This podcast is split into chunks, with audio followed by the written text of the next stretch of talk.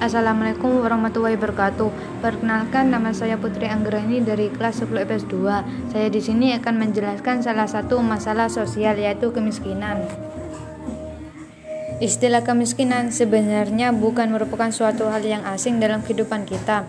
Kemiskinan yang dimaksud di sini adalah kemiskinan ditinjau dari sisi material atau ekonomi. Kemiskinan dianggap sebagai problem sosial apabila perbedaan kedudukan ekonomi dan warga masyarakat ditetapkan secara tegas. Pada masyarakat yang masih sederhana, susunan-susunan dan organisasinya, kemiskinan bukan merupakan problem sosial karena mereka menganggap semuanya sudah ditakdirkan. Sehingga usaha-usaha untuk mengatasinya, mereka tidak perlu memperhatikan keadaan keadaan tersebut kecuali, kecuali apabila mereka betul-betul menderita karenanya.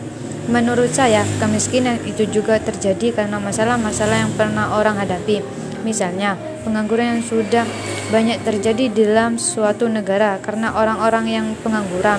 Orang-orang tersebut tidak mendapatkan pekerjaan karena faktor kependidikannya kurang sehingga orang tersebut akan sulit sekali mendapatkan pekerjaan sehingga orang tersebut juga akan menjadi miskin karena pengangguran dan sulit untuk memenuhi kebutuhan hidupnya. Salah satu faktor yang menyebabkan timbulnya kemiskinan yaitu yang pertama, pendidikan yang terlampau rendah. Yang kedua, malas bekerja. Yang ketiga, terbatasnya lapangan kerja. Untuk mengatasi masalah ini, seharusnya pemerintah dan masyarakat saling bekerja sama.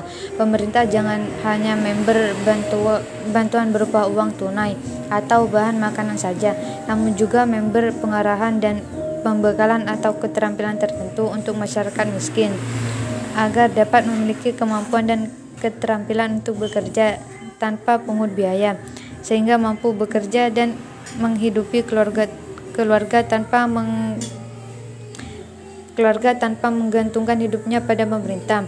Untuk masyarakat sendiri diharapkan mampu melaksanakan program tersebut dengan sungguh-sungguh dan meningkatkan etos kerja.